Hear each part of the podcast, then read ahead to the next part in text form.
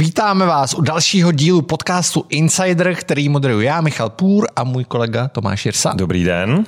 Dnešní díl je velmi speciální, Tomáš vám ovšem řekne jako obvykle ještě pár věcí na začátek. Uh, určitě chceme poděkovat našemu partnerovi advokátní kanceláři Rowan Legal a řadě dalších. Uh, celý tento díl bude na uh, Patreonu a Gazetistu. Uh, díky moc za všechny vaše ohlasy a doufáme, že nás budete podporovat i nadále. Pro tento díl jsme udali výjimku a nejsme ve studiu našem tradičním, ale jsme v, v hotelu Four Seasons. V hotelu Four Seasons, kde jsme udali improvizované studio. A udělali jsme to jenom proto, že máme naprosto speciálního hosta. A kdo to je?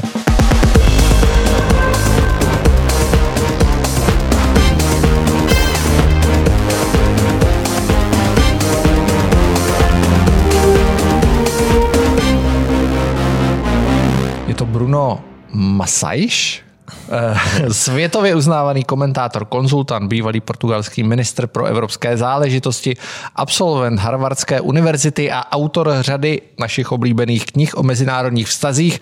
Jedna z nich nyní vychází i v češtině.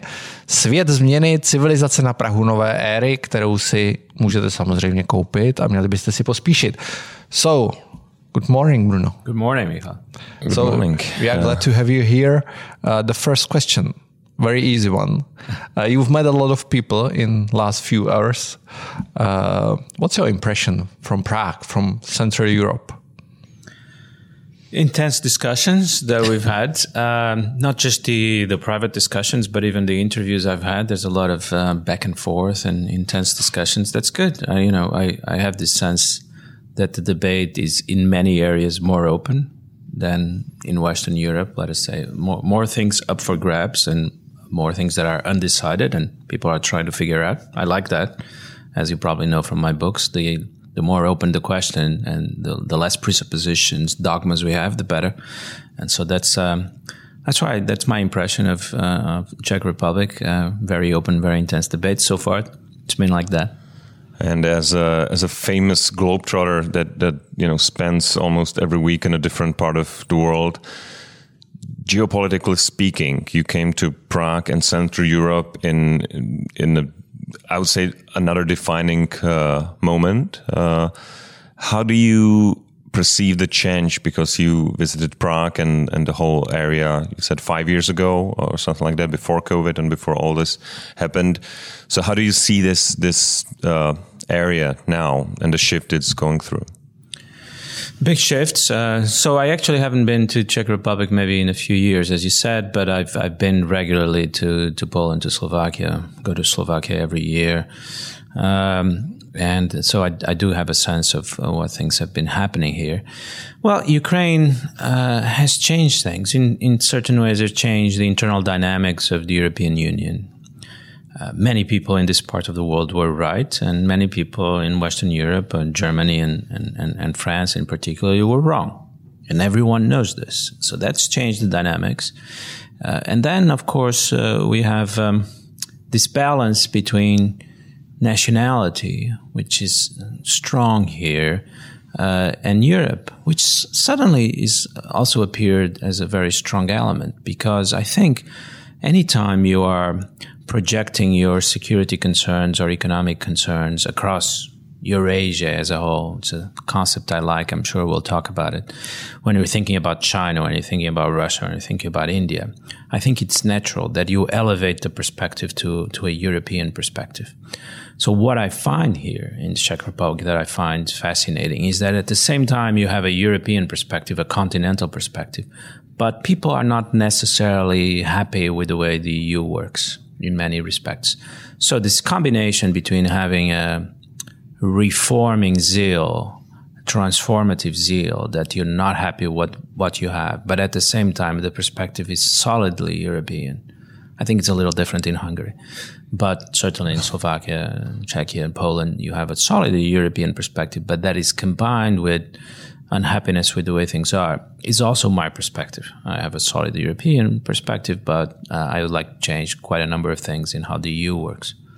I think um, um, speaking on on behalf of the Czech internal uh, discussion, there's been two major um, axioms of, of the discussion. One, let's say half of the political spectrum was uh, had this kind of held truth and belief that uh, Putin is. We don't want to do anything with him, uh, but he, in a sense, is a predictable partner. He will never do anything like an open invasion, uh, and that is crashed for this part of the spectrum. But the other half of of the political debate uh, was focused on, I would say, naively European picture saying, oh, I mean, basically do whatever Germany does and, and, you know, follow them blindly. And I think that this kind of firmly held belief took uh, some kind of stumbling and, and crash uh, as well. Is, is that apparent from your perspe- perspective as well? And, and is, is it typical from, for the like European debate or national versus European debate in other parts of Europe? Yes, I think so. You know, I'm just thinking you could use a Nietzschean uh, term uh, for what is happening: twilight of the idols. Uh, we we are going through a moment where the traditional prestige of the old authorities is crumbling. This is very true in the case of Germany. Uh, the fundamental change is not even that uh, the German economy doesn't look as powerful as before, which it doesn't, and this predates COVID, and it was an important trend already before COVID. The the really fundamental change is this breakdown in German prestige, because we look at the choices that were made over the past few years, and for a while, people might want to give Germany the benefit of the doubt. They have been right many times about many things, particularly in economic policy making. Lots of us suspected that uh, tragic, consequential mistakes were being made but we wanted to wait and be sure. Well, now we are sure. So I think next time around, that perhaps might not be the benefit of the doubt anymore. I think this is good news uh, because I've always thought you needed a kind of uh, democratization of the EU, uh, which uh, requires uh, a diminution of, of the Franco German uh, engine or, or axis of power. this is relevant at the level of who makes decisions, what is the kind of personnel that is more powerful in Brussels, and so on. But also at the level, at the level of ideas, um, that you need to incorporate different ideas. And particularly in the Russian policy, you had many different ideas in Europe, but uh, just one or two of, of those perspectives was dominant. And there was no capacity to incorporate different perspectives. And this has to change now. Do you think that uh, EU can survive the diminishing of Franco-German engine, I would say, or car, and what will happen inside the institutions because the the chief of the European Commission is German, Ursula von der Leyen, Ursula von der Leyen. So what will happen? Who will substitute the engine, the Franco-German engine? Uh, well, I think this is uh, an argument that um, um, elites in, in France and Germany use a lot. That if we don't have this organized engine, this uh, core of power at the center that the EU will not work or will disintegrate. Uh, well, you won't. Again, I'm very confident that this European perspective is now very solid across Europe. What you'll have is perhaps a, a rather um, a, some some turmoil and some uncertainty and some instability for a while as you try to find ways to to reach common positions. And if the power is more distributed, the process will be slightly more chaotic, but perhaps in a good way, in the way that a democracy is chaotic and that uh, other kinds of regimes are less chaotic. You'll need uh, people to, to reach agreements. You'll have intense discussions, and perhaps the, the processes will need to change in ways that uh, maybe uh, people here will might not like at first. Uh, for example, having qualified majority instead of unanimity. But I think something like that is now on the cards, and provided it it involves a more democratic EU with more perspectives being incorporated, uh, the better. Um, I don't buy, by the way, this idea that uh, von der Leyen is, is German and therefore pursues um, uh, German views. Um, the EU is quite strong in terms of its inst- institutional um, apparatus and the ideas that circulate in Brussels are different from the ideas that circulate in the national capitals. And then when a politician moves offices, uh, his or her mind also tends to change because his or her interests also tend to change. Von der Leyen will be all the more powerful the more powerful the Commission is. She will be all the more irrelevant the more powerful Berlin is. She understands this as a good politician. And therefore, we've seen her take positions that are not what you would describe as German positions. She has said, for example, that Ukraine must win and Russia must lose. She used the word win and lose. No politician in Germany has said this or would ever say this. And if von der Leyen was still a politician in Germany, she wouldn't say it. But in Europe, it's different. So I, am a big believer already in the institutional strength of the EU that pushes uh, people in certain directions. I just actually think that it would be good um, if um, the EU had more power and member states like Germany and France had less power. okay. Uh, in, in your previous book, you had um, an amazing analysis of, of America, of American public life, and how it resembles uh, reality show and how detached from reality it becomes. But in a sense, what we are we are seeing now in in Europe, didn't we live for years or decades in some similar scheme in, in some kind of reality show where we said, okay, we're safe, we're safe forever, nothing's going to happen. And Europe is guaranteeing, or the EU and its institutions are guaranteeing safety and no war in, in Europe. And now you have war. Uh, we were looking at a, this kind of climate deal or Green Deal and um, uh, making radical shifts without any um, respect for security. So is, isn't there some kind of similar detachment in, in Europe about, you know, reality or from reality? Not similar. Um, you know, in America, as I argue in my book, um, you have this uh, almost uh, uh, loss of interest in reality. So we don't we don't care about it. We're we're not in we're not playing that game anymore. We are creating imaginary worlds. Um, in Europe, you have something different. You have, in fact, a scientific approach to the world and to politics. You want to find out sort of kind of scientific truths about politics. That's why environment and climate are such powerful forces in Europe, because as Greta would say, uh, it, it is about science, and we believe in science. Now, science often uh, gets things wrong. Uh, and science often is too abstract to deal with the contingencies of daily life, particularly political life. So, what you have in Europe is a conflict between science and democracy and politics. That politics and democracy cannot be subject to scientific laws and principles. And it's kind of a misguided attempt to create a scientific politics. But so, in that sense, it's almost the opposite of the America I described, because what you have in Brussels is an attempt to have a scientific politics. And when you read the communications from the Commission, they are very close. It's remarkable. They are very close to scientific papers, to academic papers. You add a few footnotes and you could publish in an academic journal. But these are political communications. So that's what strikes me about the EU. On the one hand, I admire it because I am myself someone who is inclined to provide a scientific view, objective, and I, I try to to look at, at, at what is permanent. On the other hand, and this I learned from the political philosopher Leo Strauss, it's always very present in my mind that science and politics are incompatible. This is Leo Strauss's yeah. main idea.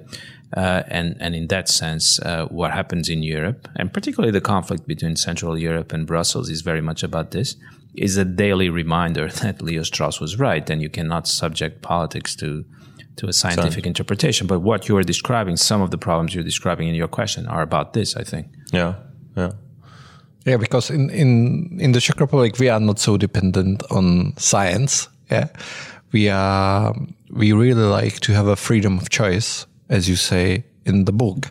Uh, so is this a main different difference between Western and Eastern part of Europe to have a freedom of choice because of the historic experience? I think so. I think it's uh, it's exactly that. Um, Central Eastern Europe come out of uh, communist dictatorships, um, Soviet in, imposed dictatorships, which of course spoke in the name of science, of scientific socialism, historical materialism, these laws of history that were being imposed above the will of, of, of people and peoples. And when you come out of that, in a way, you want to rediscover politics free from this rule of, of Marxist theory. And ideas like nationalism are part of that, that you, you recover um, freedom of of, uh, of, of thought, but also freedom of of different peoples to live as they wish. The experience in Western Europe is exactly the opposite. That to a large extent, we come out of mass movements, uh, fascism in particular. You know, this is actually common to Portugal, Spain, Germany, Italy. So it's very constitutive for for Western Europe, and even in a way to to Britain, because Britain also thinks of itself as being formed, modern Britain in, in the fight against Nazism. And what you want to discover, uh, discover is in fact kind of a more scientific politics, contrasted to this reign of political passion and irrationalism in fascism. And you're suspicious of nationalism because this is where you're coming out of, whereas in Central Eastern Europe, uh, what you come out of is a kind of scientific universalism the Soviet experience. Uh, so moving in opposite directions, in fact, uh, and I think it's not surprising that you have different interpretations of this um, of, of, current events in Eastern, uh, Central Europe, and Western Europe.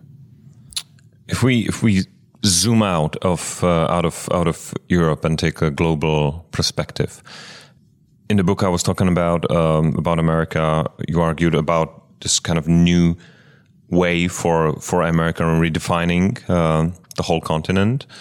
Uh, it was tightly associated with with Donald Trump. Um, now we have uh, quite a radical shift change, or as, as we as we uh, yesterday we talked on dinner, some kind of commercial break in in this whole reality show. Uh, you have Europe that is um, struggling to find this new form, uh, national states, European institutions, uh, energy shift, um, security threats, uh, and I would say a lot of insecurity on how the continent really stands. And then you have Asia, uh, where you see we're obsessed with China here, but describing the whole continent with India and shifting economic um, powerhouses around around the whole continent. So how how do you say that um, COVID and and all of these developments in in last few years shifted this equilibrium of, of global powers? Looking at like these three ma major areas. Yes, so uh, it's still surprisingly a little bit early to to know for sure uh, how COVID changed the balance, the global balance of power. One factor that hasn't been talked a lot about, and I think may turn out to be crucial, is, is the question of inflation. Uh, because in the end, we were all caught up in this question of how to, what kind of measures to adopt against COVID, the impact of lockdowns, the, the death count, and so on. But uh, more powerful economic forces are at play. When where I think uh, China has a clear advantage is um, they reacted to the COVID crisis differently they had uh, much um, uh, stricter monetary policy. Uh, in the in Western democracies, we had a very loose monetary policy in response to COVID. We still don't know yet, but it's looking like uh, this inflationary crisis is going to be a very big deal. I already have a sense that the Fed, the Federal Reserve in the US, is finding itself in an extremely difficult position where they either don't do anything and you have a hyperinflation, or they try to stop inflation. They can only do it with a recession. Uh, recession now, uh, combined with inflation and the weaker role, global role of the dollar, could could pronounce some fundamental changes in the global monetary system.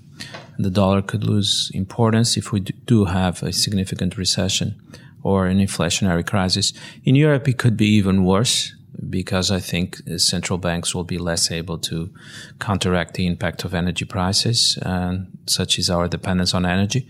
In Europe, we have countries that are highly indebted, including my own. And once the European Central Bank starts to raise interest rates, we could be in, in a, a new Eurozone crisis, um, but in, again, in a more delicate position than the first time around.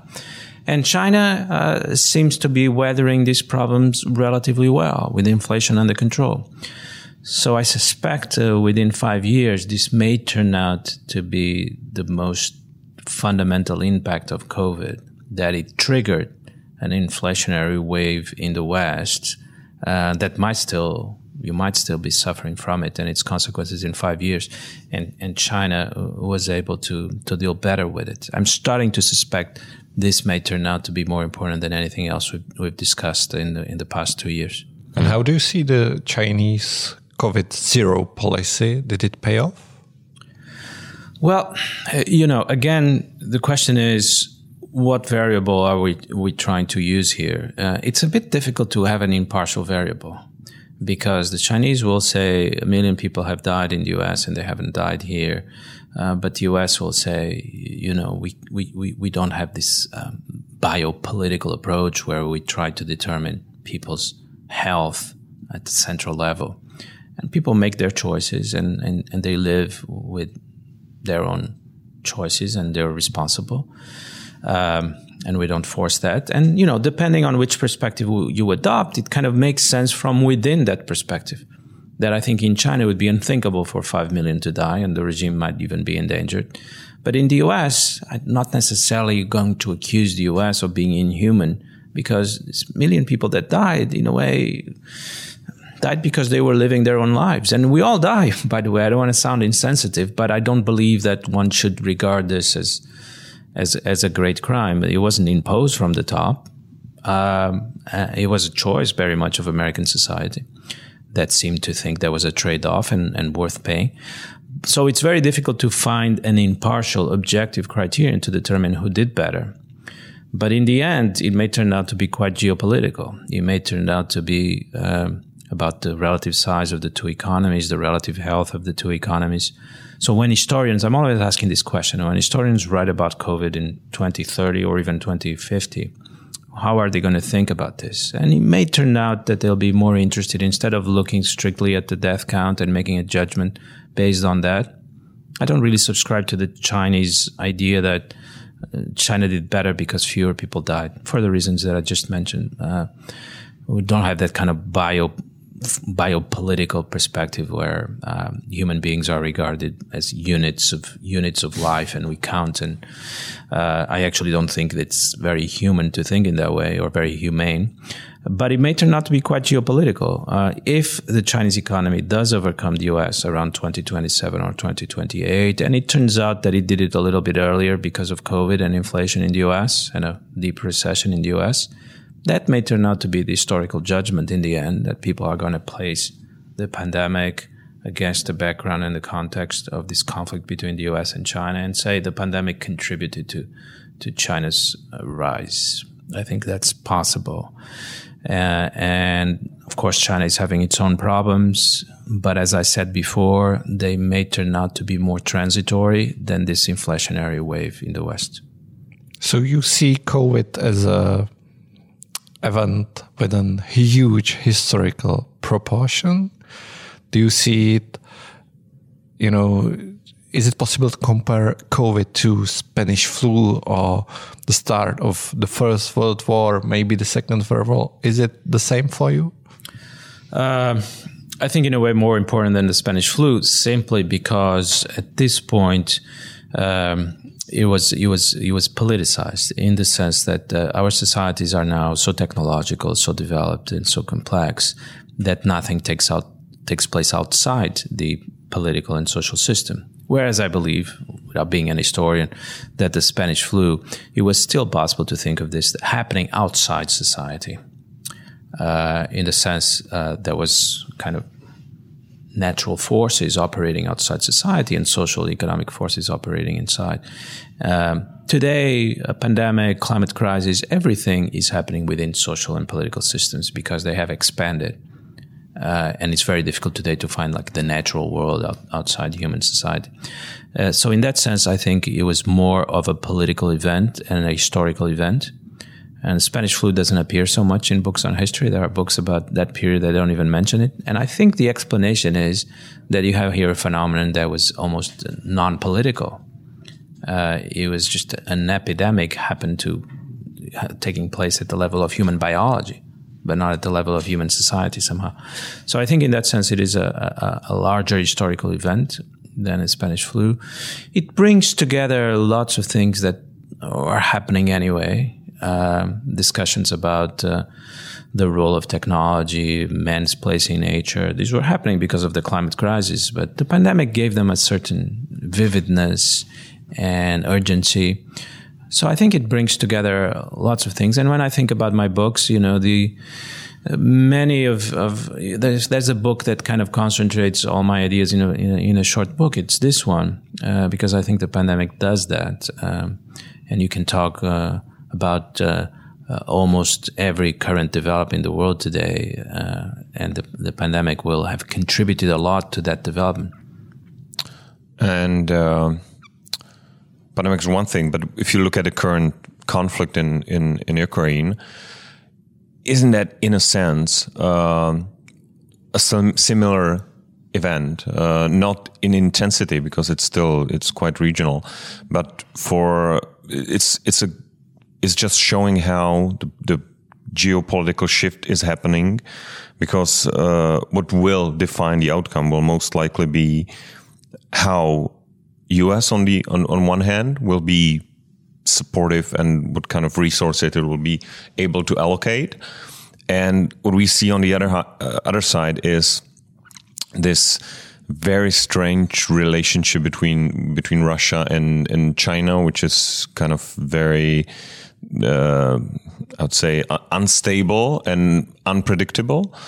But will this outcome of this local regional war possibly shift the world order in in a sense very, very similar to the pandemic?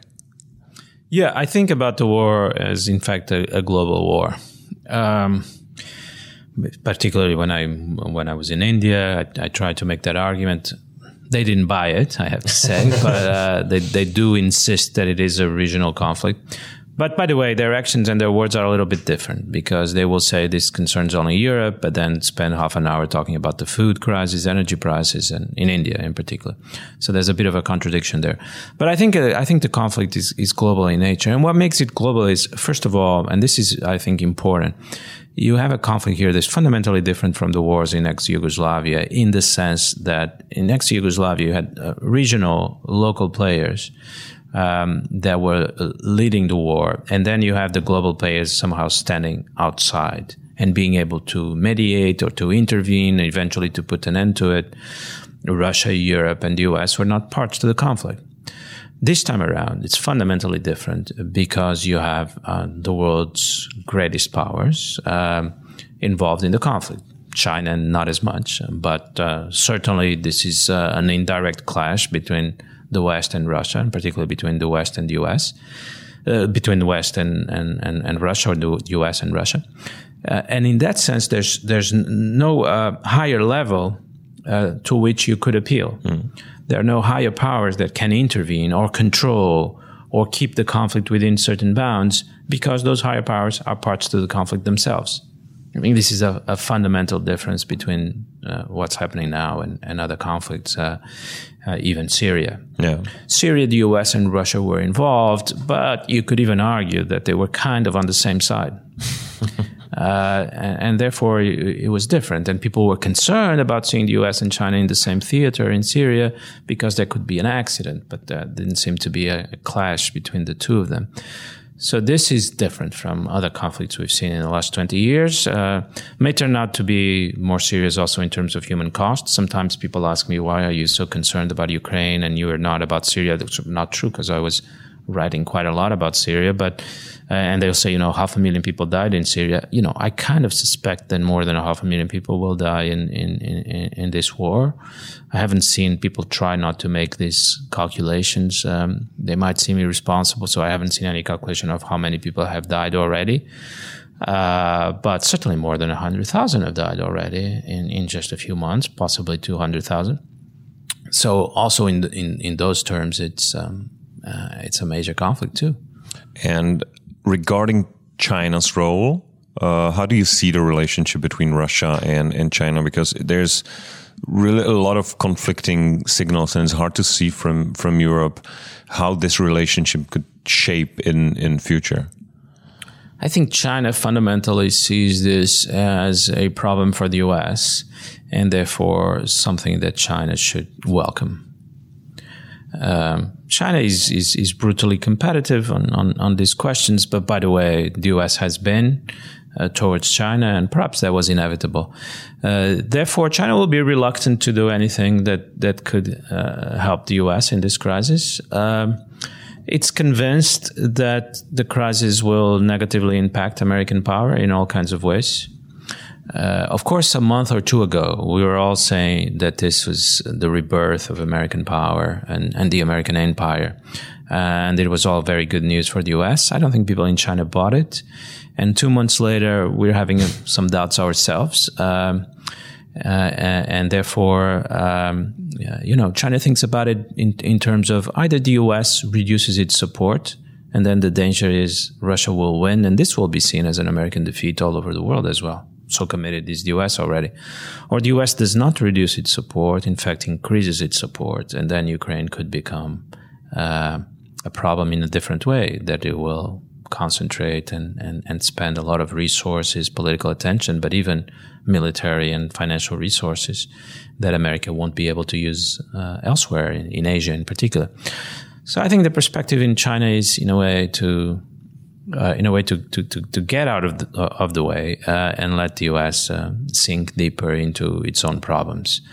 Um, if the U.S. Uh, increases its military spending to face the crisis in Europe and in China, and in, in Asia, in uh, Indo-Pacific, uh, Taiwan, and so on, in a period of high inflation, that could also lead to hyperinflation.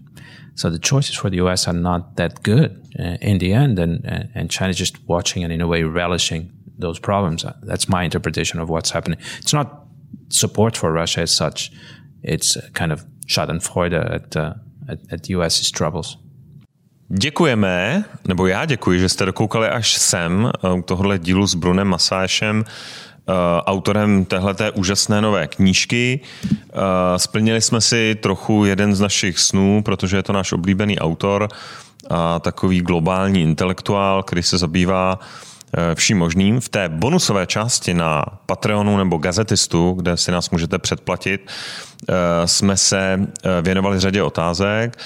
Bruno odpovídal na, zabýval se otázkou, jestli je Rusko po těch událostech aktuálních vlastně víc Asie nebo Evropa, kam může směřovat.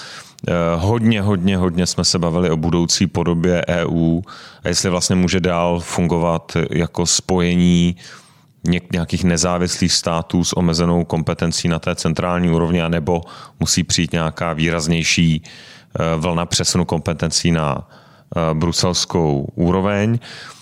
Bavili jsme samozřejmě o tom, že energetika je to, co v té dnešní geopolitické situaci bude rozhodovat a to, jak ji zvládneme a uh, byl si téměř jistý, že Tajvan bude uh, dalším uh, místem nějakého už asi nejspíš horkého konfliktu mezi, mezi Čínou a uh, Spojenými státy a mnoho, mnoho dalších.